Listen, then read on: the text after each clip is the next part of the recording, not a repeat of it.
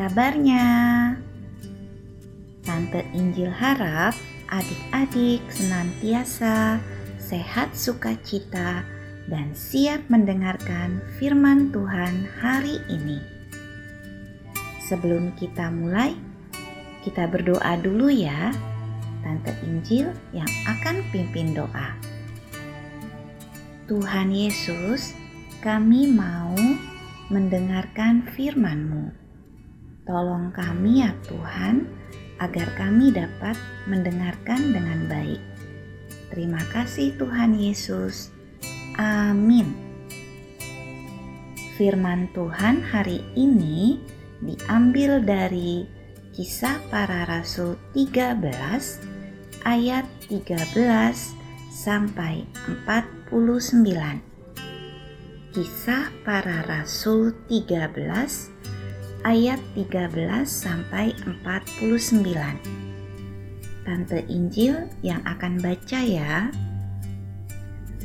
Kisah Para Rasul 13 ayat 13 sampai 49.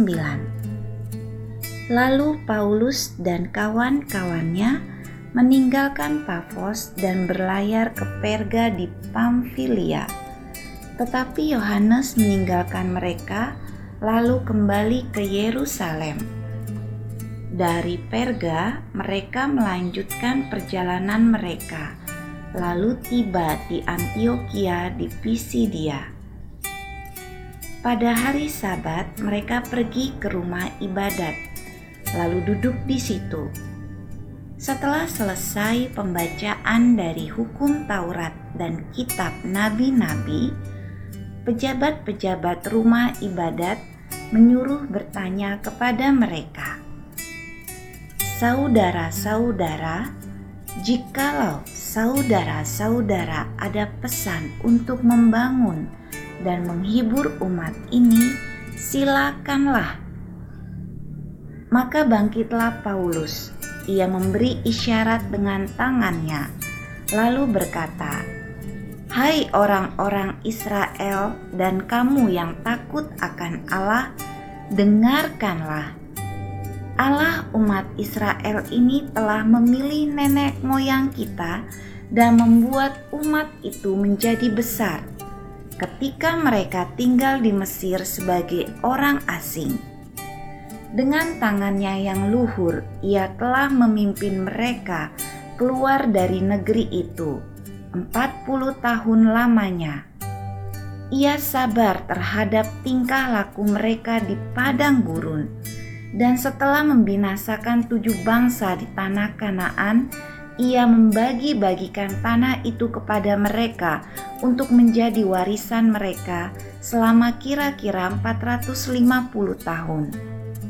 Sesudah itu, ia memberikan mereka hakim-hakim sampai pada zaman Nabi Samuel Kemudian mereka meminta seorang raja dan Allah memberikan kepada mereka Saul bin Kis dari suku Benyamin 40 tahun lamanya. Setelah Saul disingkirkan, Allah mengangkat Daud menjadi raja mereka. Tentang Daud, Allah telah menyatakan, "Aku telah mendapat Daud bin Isai seorang yang berkenan di hatiku dan yang melakukan segala kehendakku. Dan dari keturunannya lah sesuai dengan yang telah dijanjikannya Allah telah membangkitkan juru selamat bagi orang Israel yaitu Yesus. Menjelang kedatangannya Yohanes telah menyerukan kepada seluruh bangsa Israel supaya mereka bertobat dan memberi diri dibaptis dan ketika Yohanes hampir selesai menunaikan tugasnya, ia berkata, "Aku bukanlah Dia yang kamu sangka, tetapi Ia akan datang kemudian daripadaku. Membuka kasut dari kakinya pun aku tidak layak. Hai saudara-saudaraku, baik yang termasuk keturunan Abraham maupun yang takut akan Allah."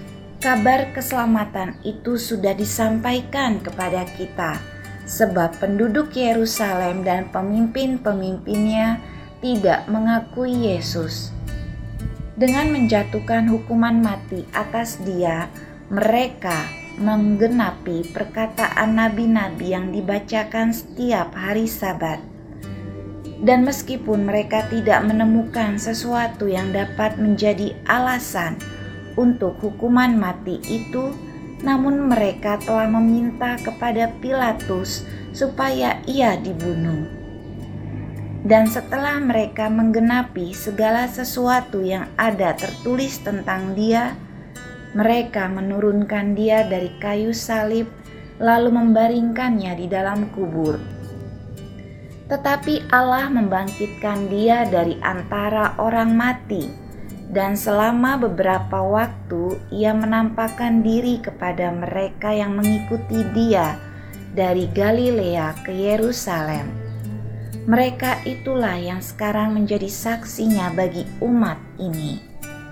Dan kami sekarang memberitakan kabar kesukaan kepada kamu, yaitu bahwa janji yang diberikan kepada nenek moyang kita telah digenapi Allah kepada kita keturunan mereka dengan membangkitkan Yesus seperti yang ada tertulis dalam Mazmur kedua. Anakku engkau, aku telah memperanakan engkau pada hari ini. Allah telah membangkitkan dia dari antara orang mati dan ia tidak akan diserahkan kembali kepada kebinasaan.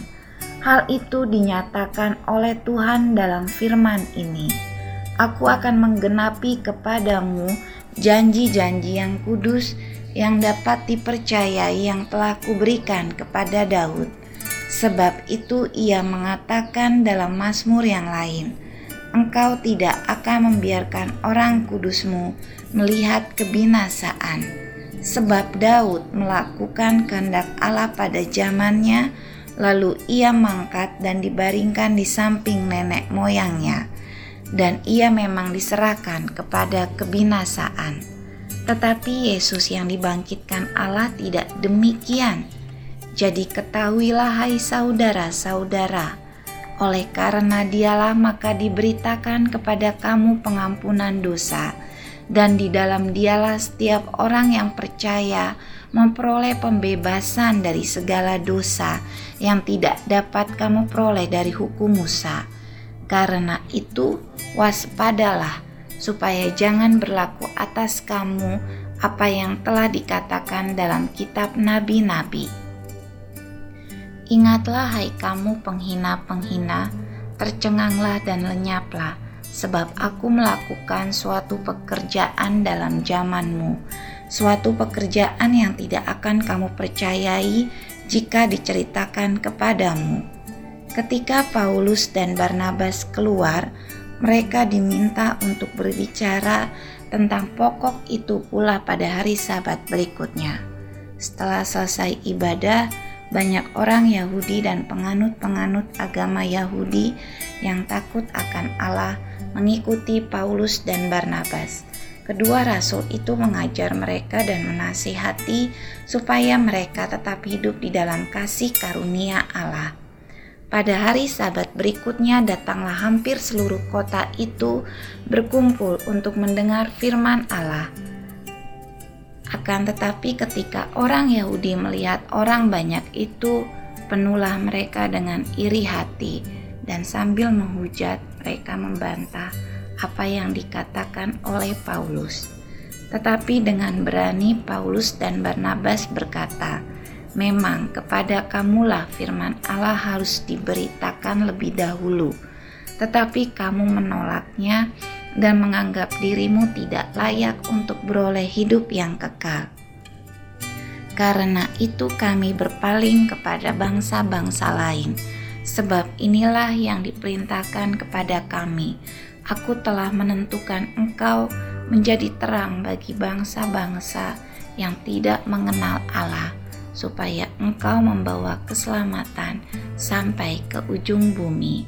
Mendengar itu bergembiralah semua orang yang tidak mengenal Allah dan mereka memuliakan firman Tuhan dan semua orang yang ditentukan Allah untuk hidup yang kekal menjadi percaya.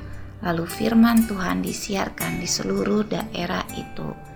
Demikian pembacaan firman Tuhan. Bibi, tolong buatkan kopi untuk papa ya. Mama, bulan minta maaf, bulan pulang telat. Papa, terima kasih ya hadiahnya. Bulan suka. Adik-adik, begitulah kata-kata yang diucapkan oleh bulan dalam kesehariannya. Kata tolong diucapkan bulan jika bulan butuh sesuatu dan tidak pernah memaksa supaya keinginannya terpenuhi. Bila bulan melakukan kesalahan, bulan pasti minta maaf. Bulan selalu bilang terima kasih bila menerima pemberian dari seseorang. Bulan gak pernah mengejek orang lain. Bulan tidak menyela ketika guru atau orang tua sedang berbicara. Sikap bulan menunjukkan sikap menghormati dan menghargai orang lain. Sikap bulan ini sesuai dengan kehendak Allah. Bulan menjadi saksi yang hidup Artinya, hidup bulan memancarkan kasih Allah kepada orang lain. Bulan menjadi terang karena menjadi contoh bagi orang lain. Orang-orang yang tidak mengenal Allah akan mengenalnya dengan kehadiran bulan. Bulan mempunyai sikap yang baik dan dihargai di rumah, sekolah, dan lingkungan sekitarnya bulan menunjukkan perilaku gambaran kasih dan kebaikan Tuhan. Bagaimana dengan adik-adik? Apakah adik-adik mau menjadi terang bagi sesama? Iya, tentu saja mau ya. Caranya berdoa, baca firman, menyanyi lagu pujian untuk Tuhan, tidak berbohong, bicara nggak kasar, gak curang, dan masih banyak lagi. Ayo adik-adik kita katakan dengan sungguh-sungguh, aku mau menjadi saksi Allah yang hidup. Aku mau menjadi saksi Allah yang hidup. Mari kita tutup renungan hari ini dengan berdoa.